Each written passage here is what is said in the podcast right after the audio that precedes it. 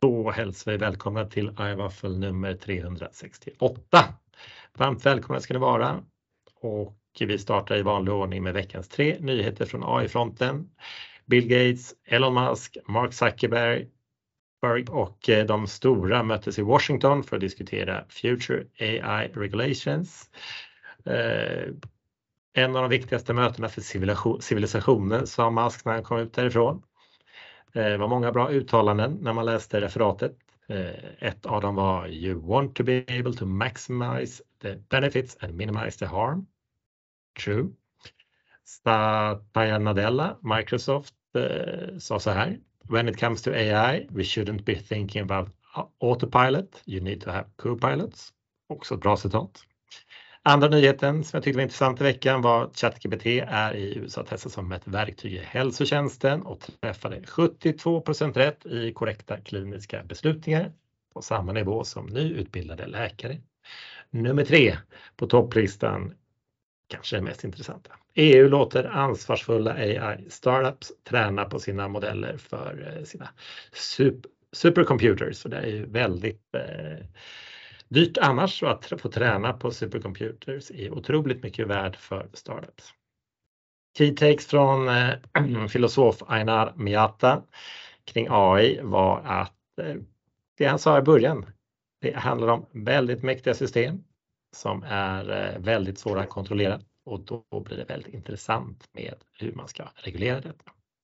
Nästa vecka kommer Tor Wallin Andreasen, professor innovation på NHH för att prata om innovation i etablerade bolag. Men nu hälsar vi välkomna till ingen mindre än Ed. Welcome Ed to our podcast. Thank you very much. Thanks for having me, Gustav. How are you this uh, Monday rainy afternoon? yeah, no, uh, feeling good and uh, feeling fresh. Uh, I think we fair to say we've started the transition to fall, and that usually means uh, getting ourselves deeper into work. So, uh, so no, good feeling. Yeah, that's true. And uh, you said here earlier that you're expecting your first child. That's right. That's right. And I'm so, sorry to make it public. no, that's completely fine. And uh, and you know, I, I do research digital aspects, so so I you know I feel comfortable with having a digital presence, including. I think you'll be the future for our children too. So uh, so it's that's all fine. That you know they're uh, they'll be known about it. You know uh, their existence will be known in the digital sphere. that's true. I heard somewhere that uh, um, children born today will uh, have really difficult times keeping um, the same speed as AI, getting as smart as AI. That's a new perspective. What do you think about that? I I, uh, you know, I've told other people too that just studying AI has made me realize how intelligent humans are, and um, and that's to say that I, I do think, of course, there could be a point in which um, the, the, general intelligence of um, and a potential AI could uh, improve faster than humans. But I think for reasons that we will speak of today as well, I have a feeling um, that points maybe farther out in the future than we may be envisioning, um, you know, as a society generally. Um, and and that's more also about the you know generalness of AI rather than rather than uh, uh, AI's abilities in a particular domain. So so I'm sure we'll get to talk about how um, AI is progressing in in certain areas. Uh, you know, generative AI, it's all the buzz now. Um, it, some advances in you know deep learning, reinforcement learning, etc. However, um, you know the point of us being uh, out accelerated by AI in development, um, I'm not sure when that will come. I, I, I suspect it's farther out in the future than we we may suspect. Sounds relieving. Sounds good.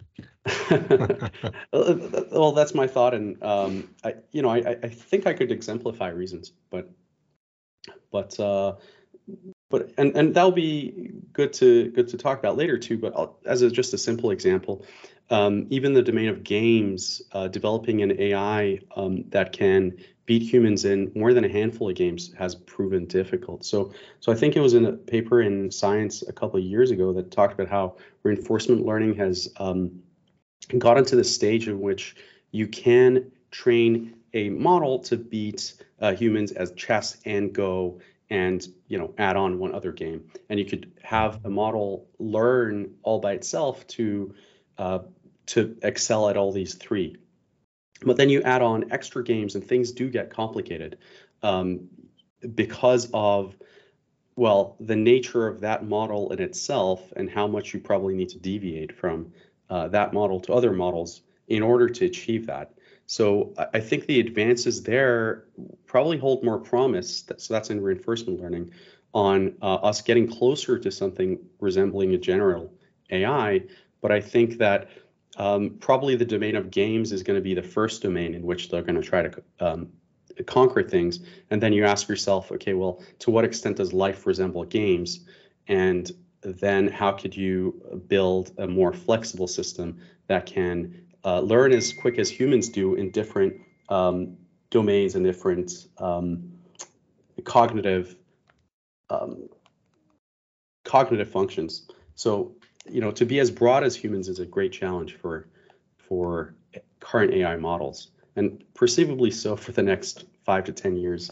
Um, although I'm sure we're both wondering what Boston Dynamics and the U.S. government are uh, are busy doing research on right now. Is interesting. And when you look at uh, really creative people, both in corporations and uh, startups, uh, one strength that they have is kind of connecting the dots and uh, putting things together from different departments and uh, from different industries. And uh, so that might Absolutely. be hard for AI right now to kind of Absolutely. be creative in that kind of way. Absolutely. Finding parallels between domains, I suspect, is one area in which AI lags behind humanity to a great extent.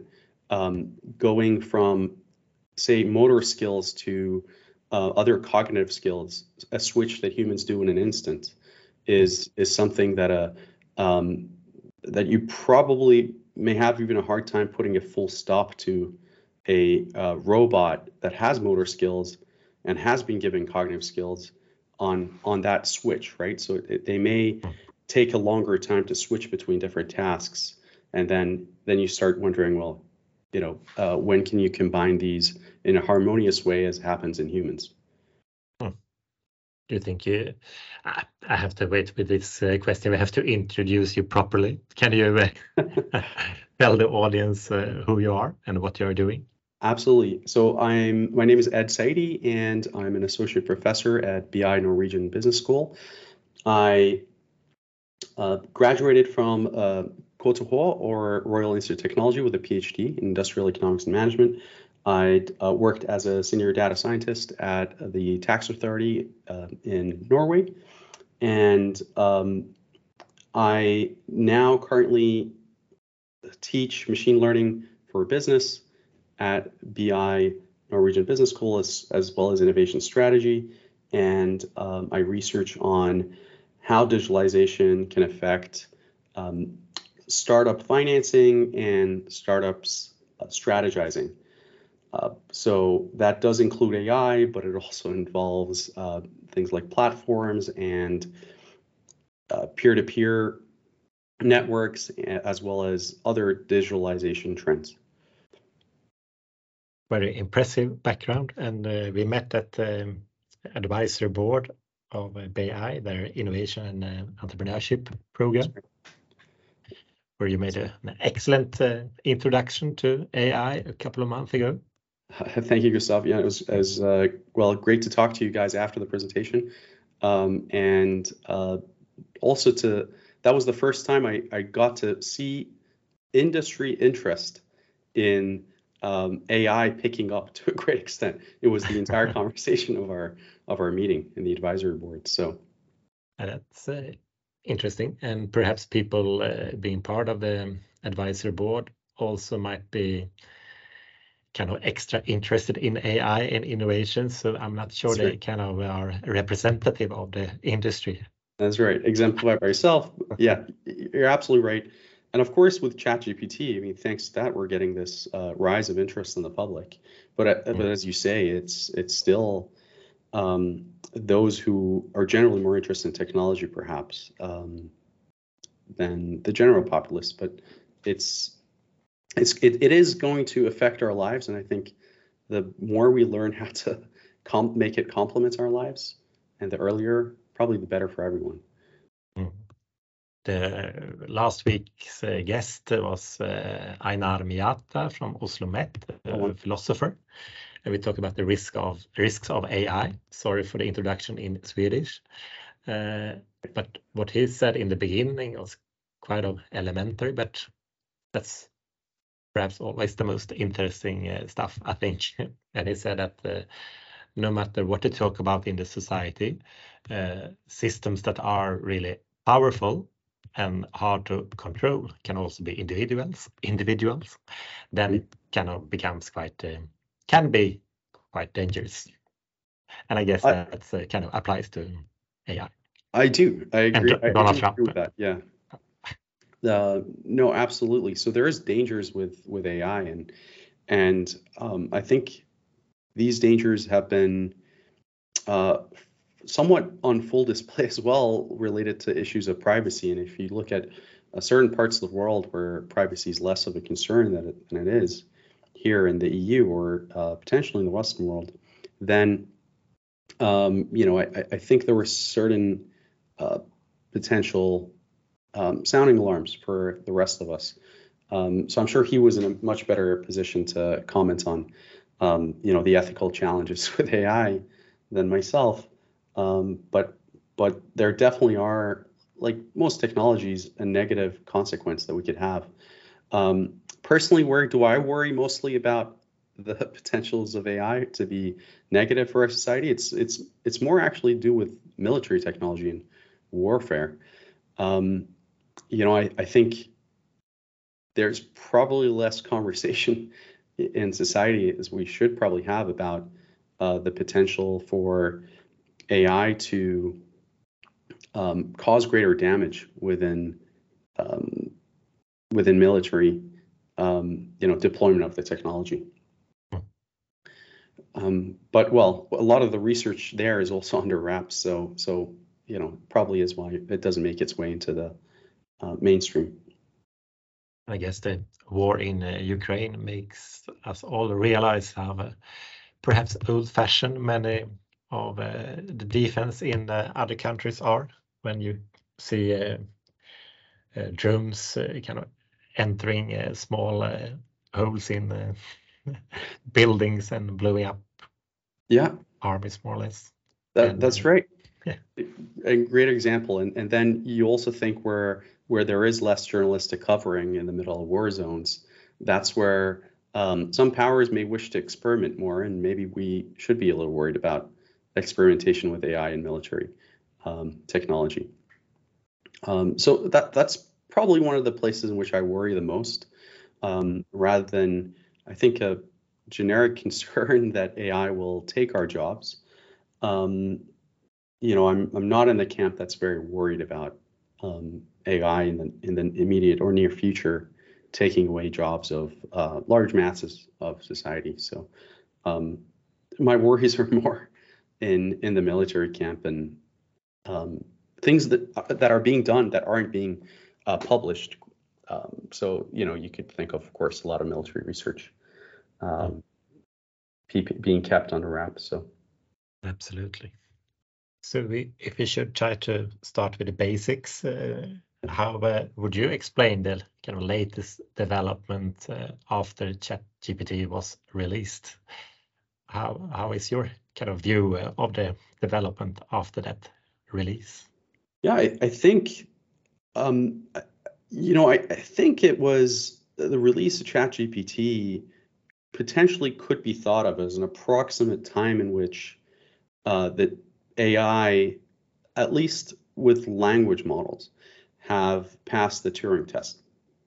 So the Turing test being uh, the test that Alan Turing thought of, you know, if you're speaking to a machine and you can't tell that this is a machine, um, that you think it's a human being, then that's artificial intelligence. And you know, it's it's been about um, 75 years since he he he wrote about that or he talked about it. Um, but it it seems to be that the general populace agrees that you know ChatGPT demonstrated that you know we are there with language models that you can actually have a conversation with a machine and a computer and it can uh, fool you to think that you're talking to a to a human. Um, now, of course, that could last for a number of prompts, but but but still, that in itself is impressive. And um, in terms of I, there had there had been really over the past 10 years great advances in artificial intelligence a lot born from uh, greater computational power greater cloud computing much better algorithms uh, advances in deep learning. Um, I do think reinforcement learning in itself was was a major advance, and then of course um, models like uh, GAN and um, a lot of other models that have started um, improving performances of of prediction jobs to a um, great extent, um, and and at the same time, I think having you know large pre-trained models, language models, has been uh, like BERT, um, you know the the llamas, llama one, llama two. These have been major advances, and um, of course stable diffusion. So with that, I think is is what's happening right now is there's a lot of money being poured in into uh, you know development of AI technologies, development of ideas around AI, um, you know, for startups. So we're seeing slowly a, a substitution of of search um, by AI tools. So, um, and and you know, unless we've uh, haven't been paying attention, I think we wouldn't have seen that search has been uh, one of the mo- biggest businesses online um, that essentially, you know, it, it's usually the starting point for getting um, eyes glued to screens. And um, when part of that is being replaced by these um, large language models, of course, uh, the way in which we access information gets to change greatly. So I think we're at a point in time in which we're getting an acceleration in the amount of money pouring in for investments for be it AI startups or AI projects in large firms. And at the same time, we're seeing um, some effects of AI in the way that we um, access information and, and likely in the way we work as well. Thank you. Was it a surprise to you that uh, it was kind of large language models that uh, made people interested in AI at the end? I, for me, it personally was likely. If I were to go back, I would have thought that certain advances we could make that would um, perhaps combining robotics with AI may have been um, finding their way more quickly into uh, you know changing the way we work. But I'm but I suspect, especially when it comes to knowledge workers, um, you know, ChatGPT's has been a um, you know a, a big eureka moment, right? Um, and I think that well, that did of course catch me by surprise too, um, and and it has I think caught pretty much all knowledge workers by surprise. Um, and I think seeing how quickly one can augment one's own work, uh, especially knowledge work with with these large language models, is uh, is really um, a revolutionary you know thought. And and it's and it's going to be it will impact of course what we're doing. And i do think that already i find myself i would say probably around 5% more productive because of ai tools and you know i, I think if i look back in time i uh, i would have i would have thought a year ago that that that would be an exaggeration so, in what way are you getting more productive? Um, you know, even even being quicker on finding what you are searching for. So, of course, I'm a full time, you know, uh, well, uh, a full time researcher as well. So, you know, accessing knowledge uh, is is is paramount for me. But um, for example, seeing how well Bing's uh, precise queries lead to uh, exactly what you want without searching multiple times, mm. right? That has reduced the amount of time I'm searching for finding some truth. Of course, it does worry me at, at the same time whether uh, on the veracity of it, because you could ask ChatGPT, and given the plethora of knowledge that's out there, you could ask ChatGPT or you know Bing to find you sources that confirm whatever prior thought you had, and they will likely find an article, and it, either way, you know whether say does um, I don't know alcohol consumption affect diabetes, for example, and you probably find medical papers either way, and you know you can try to discern the quality of each, but but if if I'm if as a full-time researcher I'm failing at that task where I'm not able to discern in fields that aren't mine, you know, the quality of what I'm seeing, um, but that access to definitive answers is is greater by using these tools, then it makes you wonder, well, what are what is society as large going to be um, dealing with? It's it may be harder to uh, tell veracity, especially if you outsource those tools of of assessing veracity or truthfulness. So, um, yeah. And I guess uh, truth is uh, really important when it comes to research. And how do you trust? How do you know what sources to trust?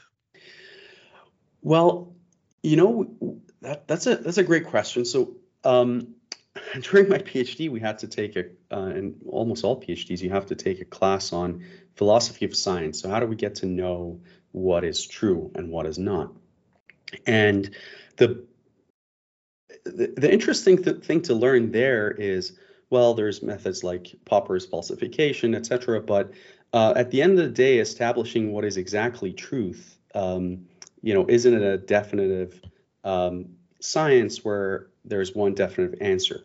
So what the modern society and universities have done is to utilize peer review to you know discern truth of what's getting published out there um, and that really means that you find the best uh, experts and then have them assess what is right or wrong um, now of course you can assess uh, truthfulness using wisdom of the crowds as well. So you know you may not need expert opinions, but but the crowd uh, or a majority to opine on something and give an opinion. Um, but really, when it comes to uh, establishing new truths, peer review is probably the best system we've ever had. And then hmm. peer review varies in its quality. So you would you would assume that if you ask uh, the 10 top AI experts in the field, um, say of image recognition, you would get uh, you would they would be able to help you find truths better than if you found uh, the best um, uh, y- you know biologists who are reviewing a paper on image recognition right? So so the experts in a domain matter greatly. Um, we also know from you know training ai models that domain expertise matters greatly but um, that aside aside we can talk about how well, to get to the truth, you want to be able to distinguish between higher quality peer review and lower quality. And that's not easy to do for people who are not in a certain field. Um, so, you know, people do use uh, rankings of journals or the domain of journals to uh, know how uh, good a um, an output is. So I think most scientists agree that the journals of science and nature are, are more reputable and probably have better peer reviewers. Um, but but even that's a controversial statement that I made now. So um, it is, it can be extremely hard to tell what is true or not, but especially with the bulk of science, then we start seeing patterns and we believe those to be true. So, so if you start getting, you know, many AI image recognition papers that show the same thing, you start believing that this is a um, a fact. So, and truth. And of course, all this is complicated in the age of AI. Um, but that's a can of worms that we can open and talk about as well, Gustav. Um, my wife was away this weekend, so I was alone with the kids. Then I could choose whatever I want to see when they were um, sleeping at night. So Yeah. I watched an interview with uh, Zelensky. It's a good one Oh, great. uh, with Letterman. Yeah. And the other one was uh, the Tucker Carlson interview with Donald Trump. Okay, important people. And I always like to kind of challenge myself uh, to kind of try to avoid uh, being in an echo chamber, just Excellent. listening to the same sources all the time. So Yeah. trying to read and listen to opinions from left to right. So uh, Very it's very easy to kind of point to Trump and say everything is uh, disgusting about him. But I'm kind of curious as well when Yeah. Americans, as I view, are really smart people, that almost 50% of them are willing to vote on Trump. Right. And uh, I must say, after watching that interview, it's if you have that kind of um, opinion and a supporter of Trump and listen to that interview, I can't really understand that uh, they feel that the, the words that are coming out from his mouth is true Mhm, when he's sitting together with Tucker Carlson, for example. Correct. And in the future, when uh, things will get uh, mixed up even more, uh, having fake interviews, it's uh, going to get really a challenge to know what's truth and not truth. So, what do you think? How uh, will that be possible in the future? So, I mean, that is just a just a great question, right? So, I, you know, I probably should have added deepfakes into the category of what I find um, scary, although not all of them are AI based. So, um, and so it, it it surely will be a challenge, right, to be able to tell apart truths from non-truths in in such an age, um, in an age in which AI starts passing, say, the Turing test for um, for videos, right? So if you you know currently you could look at some of the latest um, deepfake technology, and you'd probably be fooled until you've um, had someone tell you to notice something that looks pecu- peculiar, or um, or if you you know listen long enough and find some inconsistency with with what you know of the truth. But of course, that you know these models only get get better. So you know this would be a place in which I think good regulation would be very useful, right? Um, so um, this means that journalistic outlets that we've relied on before, Reuters or BBC or what have you, uh, I, I think it would be important that they would um, they would put out you know videos confirming that this is this is real, and um, and then depending on our trust in these outlets, then we get to as humans evaluate whether um, we should trust the source more or not. So so that means to say if you have a website that just ranks how the veracity or how uh, frequently a website has avoided putting a deepfake on uh, a journalistic website, uh, then you can increase people's trust in sources, right? And so I think it gets to be important to maybe legislate that as well, right? Um, but at the same time, you know, misinformation is going to spread, right? If it if it needs to amongst people, and um, and I think we've we've dealt with that as hum- humanity's dealt with that for um, you know thousands of years, right? Since we've had CITES, but of course the speed of it is um, would become would grow on uh, you know a lot faster now. So so I, I'm not sure I have a solution to this. I just think that it's going to be more important to have ways to assess veracity um, and build that into our um, trusted systems. And I guess um, media companies, as you mentioned, but also universities and research institutions uh, have a have an important role to play there. Absolutely, absolutely. So, whichever institutions we decide to trust, you know, if they're going to maintain that, want to maintain that, it's important that they play a bigger role here. Uh, just a thought when you were mentioning this, uh, what about religion? Uh, no matter what kind of religious beliefs you have, uh, doesn't matter, but all religions uh, kind of have their faith and uh, have been teaching the visitors in the church uh, that uh, since well, very early days, and a lot of that. Perhaps this is controversial to say, but some of that might not be true. right, right. so that's a, and, and like a way of fake news as well. Likely, all of them can't be true at the same time. So, exactly. So I think that's probably not controversial. Um, Absolutely. So we've dealt with misinformation for a really great uh, amount of time, and of course, uh, misinformation can be deadly, and it has been in the case of religions as well.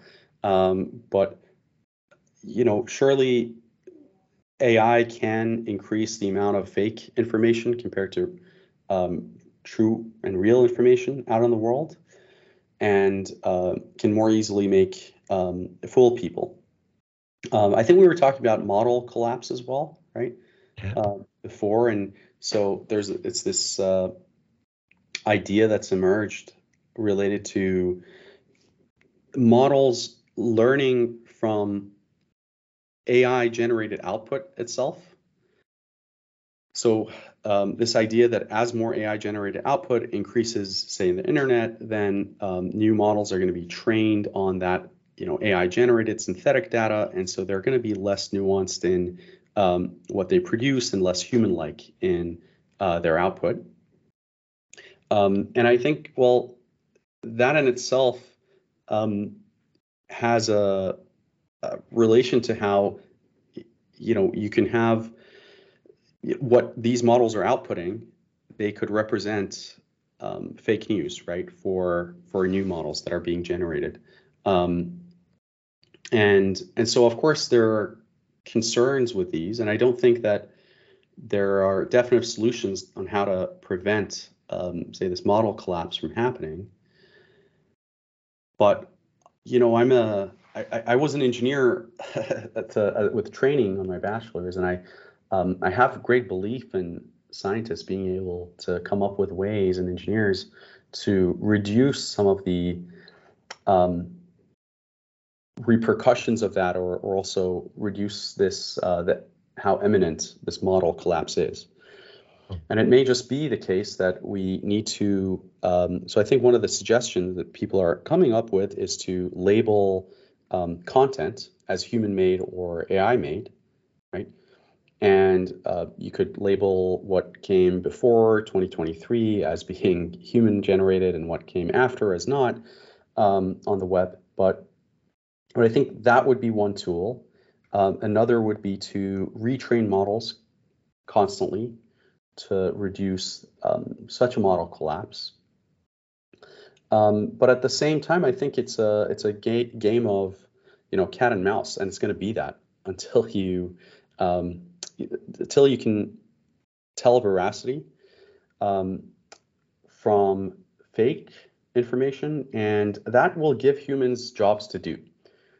Yes. so, there is hope in the job market. there is hope, and um, I think there was a it was a Harvard um, scientist who came up with who was studying the failure of the Challenger um, s- spaceship yeah. um, in the 70s. And he came up with this idea that um, whenever you strengthen a chain in different parts, the part that is weaker and weakest has to get more attention. Hmm. And well, he talks about how the Challenger uh, spaceship, um, you know, failed because of um, a, weak part that humans didn't pay attention to. And then he came up with this theory. And so, what this means in the world of AI, in my opinion, is well, if you get AI to replace human processes, you could think of human processes as chain. So it can strengthen our work in certain other areas, right? But the parts that remain weak will require more and more input and effort by humans to in order to ensure that that part of the chain is strong too. So if that is veracity and telling whether information is correct or not, right, then that work becomes more valuable. So the part of the work that relates to the weakest part of the chain becomes more valuable for humanity. And so then there, you'll have jobs there. The jobs there could be higher paying, and and you start seeing things like this um, happening throughout human history with technology. When, for example, 120 years ago, you had 25% of the U.S. population just working in agriculture, but now that number is two percent.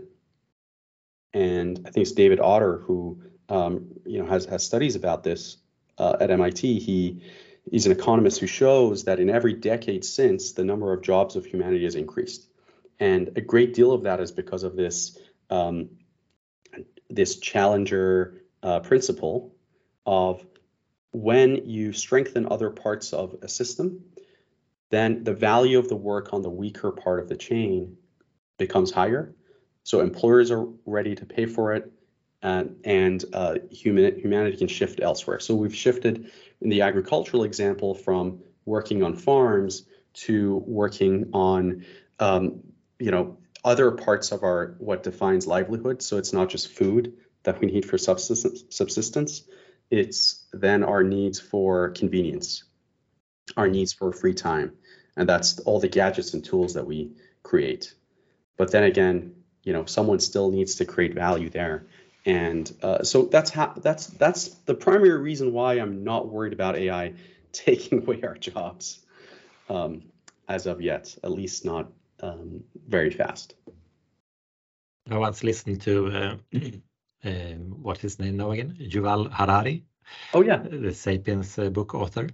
Right. And he said one interesting thing that I can't stop thinking about.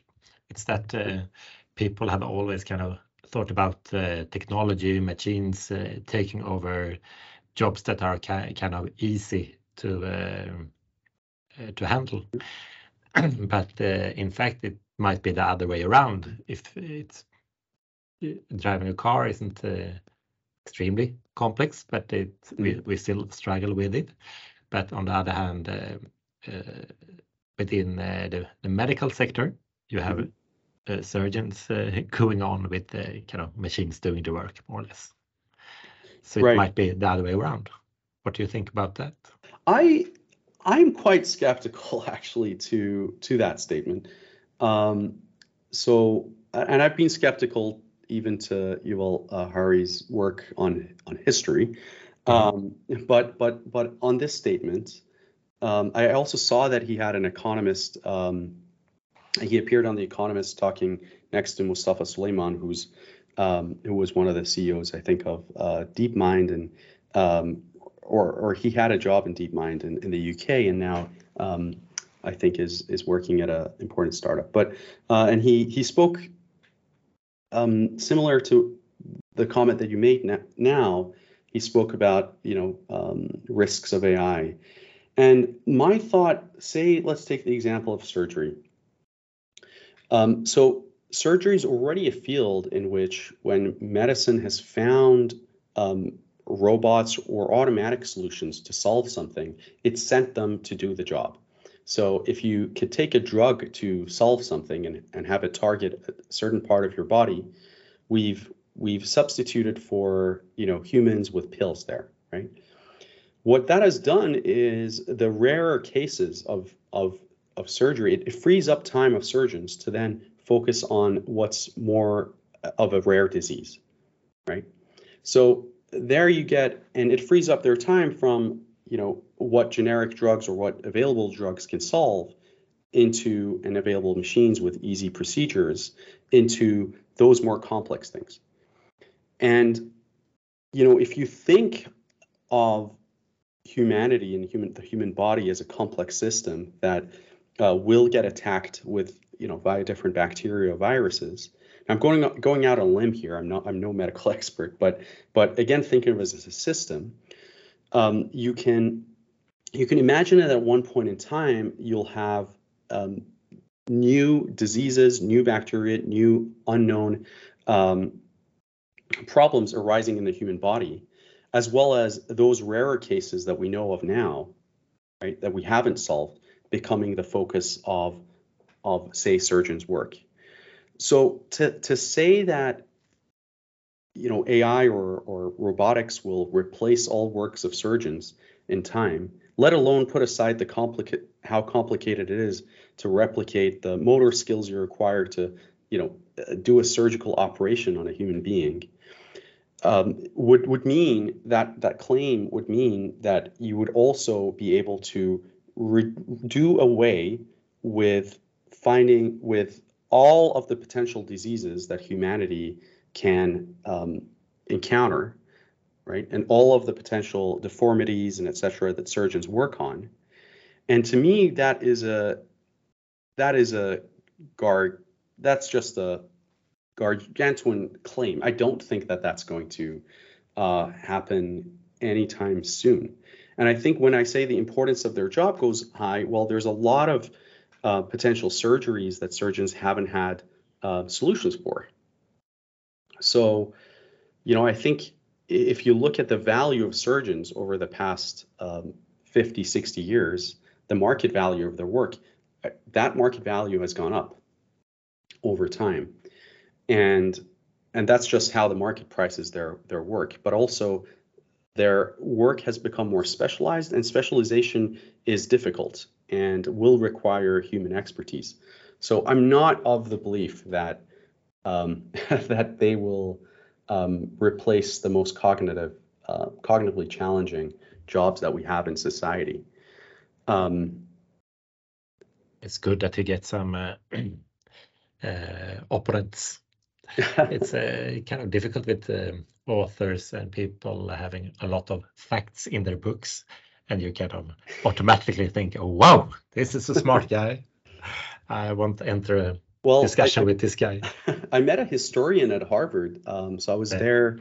Uh, I was visiting at Harvard just um, last year, and you know, here's a he was an assistant professor in in history, and so I asked him about you know Yuval Harari's work, and he just went, "Oh no," you know, uh, because um, you know he doesn't have really a um, he, he really in what he writes about he's not specialized to to discuss um, aspects of, but he's become very famous for writing um, really popular books that have um, opined on um, you know on different aspects of of humanity. But I think you could just read also critical reception that that's received from historians. But but well, this is not to, to talk about his work, but also to say that I think. Um, say when the Economist last week invited Mustafa Suleyman and, and him, I would probably listen a little bit more intently on someone's ideas who's worked in the field of AI, and that would potentially be Mustafa Suleyman's ideas. Um, so I think The Economist interviews them as sort of like, you know, two different aspects on, on AI's um, future. And I think that I would pack a room with a lot more people who worked on AI rather than uh, have a 50-50 split with, between um, between the two. But uh, but that's that. Those are just my opinions. And I think fear mongering. Uh, I think Mustafa Suleyman said something really good. Hopefully, I'll just send you that uh, link and maybe we can include yeah, it in the podcast. Um, he said something very useful. He said, "Well, fear mongering about AI probably doesn't do a lot of good to us as a society as well, and not only halts the progress of it, but also um, worries people for little for or no reasons." And I think the past 120 years, we've constantly asked if um, robots will take our jobs. And um, for, you know, I think unemployment now in Norway is 3.4%. Um, so very low figures. And it's improved for uh, most, um, you know, most demographic groups um, over time. And I think that you know the same thing has happened in a lot of uh, developed countries with healthy economies. So, so uh, I, I, feel, I think the fear of those are somewhat exaggerated. Uh, I agree, and there will be a great lack of people doing the work in a couple of years in many Correct. sectors. So uh, maybe AI can be our savior. yeah, yeah, increase productivity, hopefully. Uh, what do you think about robotics? Is that will that get more kind of connected to uh, AI quite soon? You mentioned uh, doctors, and one thing I read about robots is that the hands are really perhaps the most challenging part in a robot to replicate from a human. Right. And and absolutely, I think some of the most interesting uh, work in AI will be the combination of you know robots and AI, and um, and of course you know AI can try to uh, mimic humans' cognitive abilities, and uh, you know one day potentially surpass it. Um, whereas you have robotics mimicking humans' motor skills, and um, absolutely there are going to be parts of what humans do that, you know, by evolutionarily speaking, have been advanced to an incredible level and are going to be difficult for for robots to continue doing. But I think that putting the strengths of both these together, you're probably going to find some really incredible um, technologies. Like even just take, um, you know, housework you know, you'll finally probably be able to have uh, machines that can uh, carry out a greater percentage of house household work around the house, right? So you have vacuum robots now, but um, there's there's a whole lot else that you'd wish you know your vacuum robot would do. Um, clean the uh, tub, bathtub, clean the toilet, clean um, you know uh, the walls, and I think you could start getting um, more advances slowly building there. And um, as always, I think that just frees up humanity to do what it, it's uh, it's more suitable suited for. Um, but at the same time, you know, of course, in autonomous driving, you uh, have uh, you, we're probably going to have yet again major advances coming up, um, potential technologies that we um, haven't thought of yet, or or at the peripheries of solutions. But but I think that there are that's going to be a really exciting area to look at, Gustav. So looking at how these two can um, supplement and complement one another.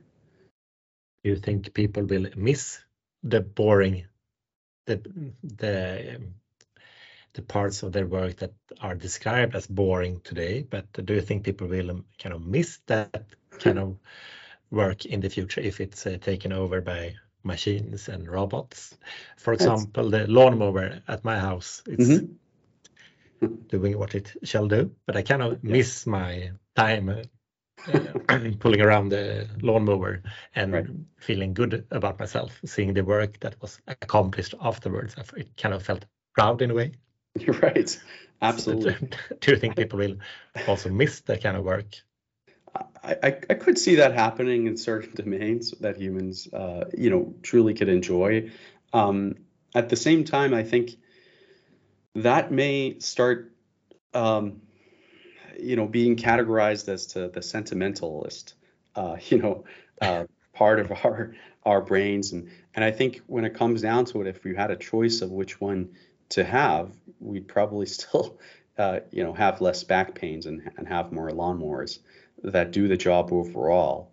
Um, and of course, you know, talk about children at the beginning of the podcast, we can tell them about the glorious days of, of, of you know, accomplishments when you actually clean the house yourself without a robot or, um, and, and I think that, you know, humanity's incredible at adapting to new things and finding new things to do.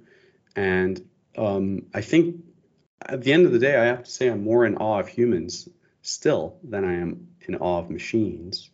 Um, but at the same time, um, you know, you can you can uh, push the envelope of what machines can do and and really, you know, inspire. I think. Um, so so I'm actually inspired by AI and the rise of what machines can do in it, uh, and I look forward to seeing um, the development of, say, my my child, soon to be child, and kind of thinking of how AI can um, at what point does my child surpass AI's abilities, even linguistic?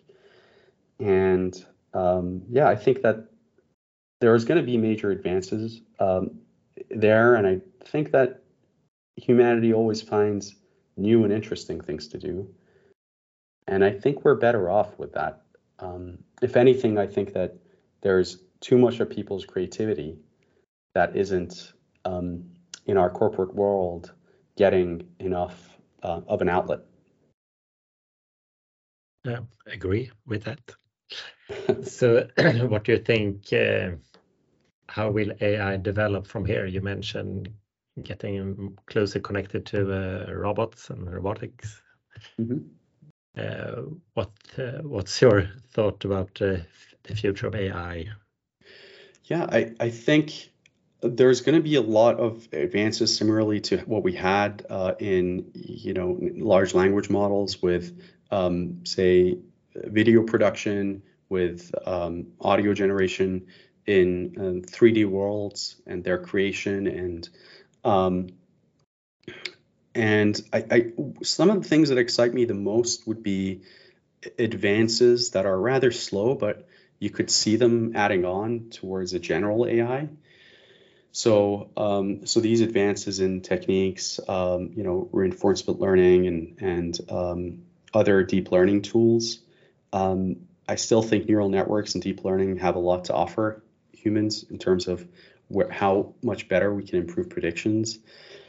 Um, related to um, related to how biased models become, so issues like model collapse or uh, issues um, that relate to how models will um, you know lose their performance over time. I think we could get great advances there and that's really important because it's very costly to deploy machine learning models and uh, very costly to maintain their quality.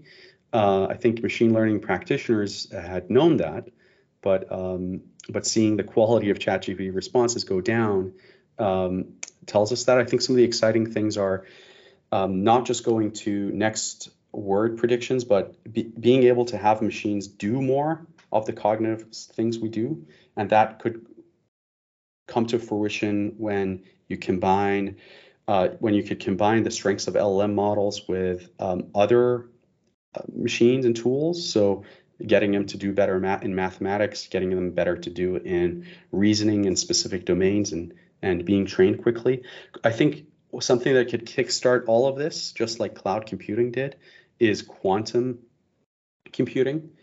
And you know, theoretically, the advance you get in uh, computational power is is just um, just infinite, right? So it's um, just orders and orders of magnitude um, stronger than we can do. And you could think of retraining models near um, in, in very short periods of time. So, you know, model collapse could be a non-issue if you can get models to um, train on on good data, but do it quickly and retrain quickly.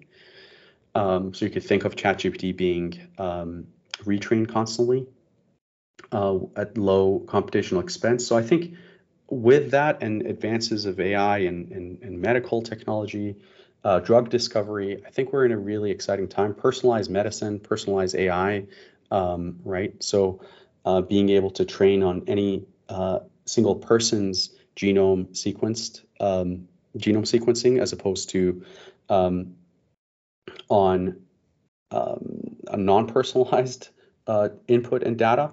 I think that gets to be um, really incredible and exciting future.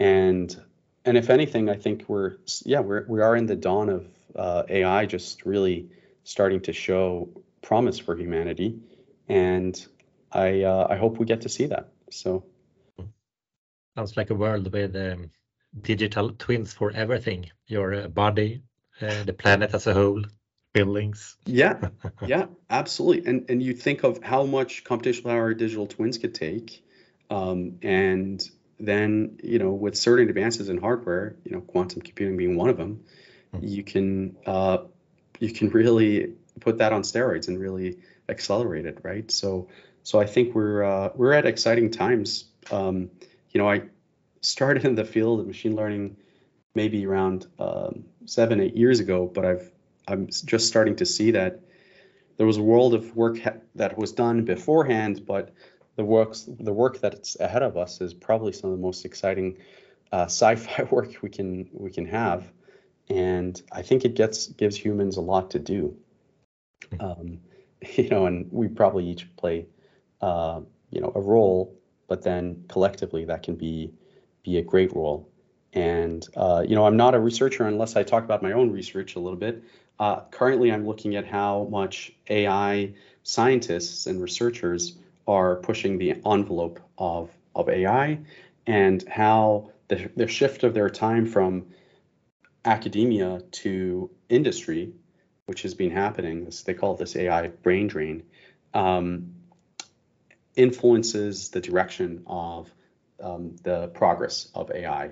And as an example of how, generally speaking, um, science progresses in industry versus in academia or in different organizational structures with their um, incentives and motives. So uh, that's some of the work I'm excited to do, as, and at the same time, um, you know, encourage students to use AI tools um, in my teaching. So I have been telling students uh, as soon as I started my class that you know, uh, please do use ChatGPT for a lot of work. And I think we had a healthy discussion about this, Gustav. The uh, yeah, I was uh, impressed here. have um, um, uh, your opini opinions in an early day of AI. So um, very progressive. yeah, well. So um, two minutes left. Um, one minute per question. What's your top advice to established companies in the industry concerning AI? Absolutely. So I, I think um, gain domain experts. Don't set out on AI projects unless you know specifically what you want to get out of them. So having specific problems to tackle, assessing the value of those before committing resources. That means include putting data scientists to the job. Um, hire good data scientists, um, build a team out of them because it's a diverse field and, and people from different backgrounds could add to it. Statisticians, um, you know, computer scientists, um, you know, social scientists, and um, physical scientists, and and try to try to utilize it for good, and and uh, make sure that you understand that in deployment, you'll require a lot of resources for it. So think of the long term of projects and whether it could add value in the long term, not as one-off jobs, perhaps clever advice. It's kind of go back to the basics, always focus on the problem, objective, it kind of the same things. Well said. exactly, Gustav. So would you give the same advice to a startup or uh, what's your advice to a startup? Of course, I'll, you know, I'll give them the same advice plus some extra advice. And that's because uh, being a startup is more challenging.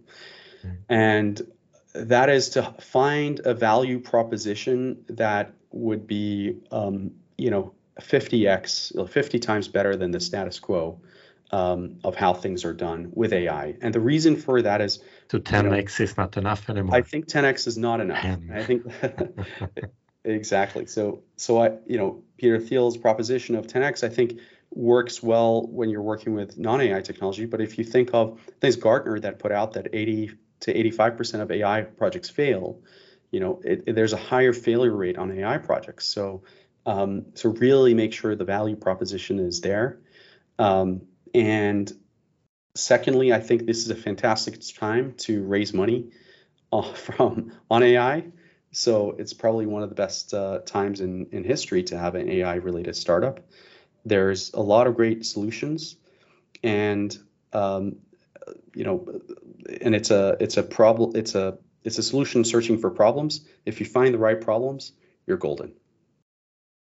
Excellent. I resigned this uh, summer, as I mentioned to you, perhaps to focus uh, the coming 12 months on, on building a new product to learn as much as possible about AI. So, so I guess I'm i will excited. come back to you for advice. I'm excited to learn about that, Gustav, and you know I'm, I'm going to learn a lot just uh, just chatting with you. Excellent. So nice uh, having you at uh, my podcast. Thank yeah. you so much, Ed. Have a of course. great rest of the day and good luck with your first child. Thank you very much. My pleasure. Um, uh, tack så mycket. Jag hoppas jag kan uh, komma igen på, på podcast också. Podcasten. oh, du kunde svenska? Ja, ja. jag, jag kan faktiskt prata lite uh, svenska. Uh, ännu bättre för, um, för allihopa att jag pratade på engelska uh, ändå. Men Kanske inte lika bra för allihopa att jag pratar engelska. Tack så mycket. Hoppas vi ses snart. Ja, ha det hoppas gott. vi ses snart. Ha det gott. Ha det bra.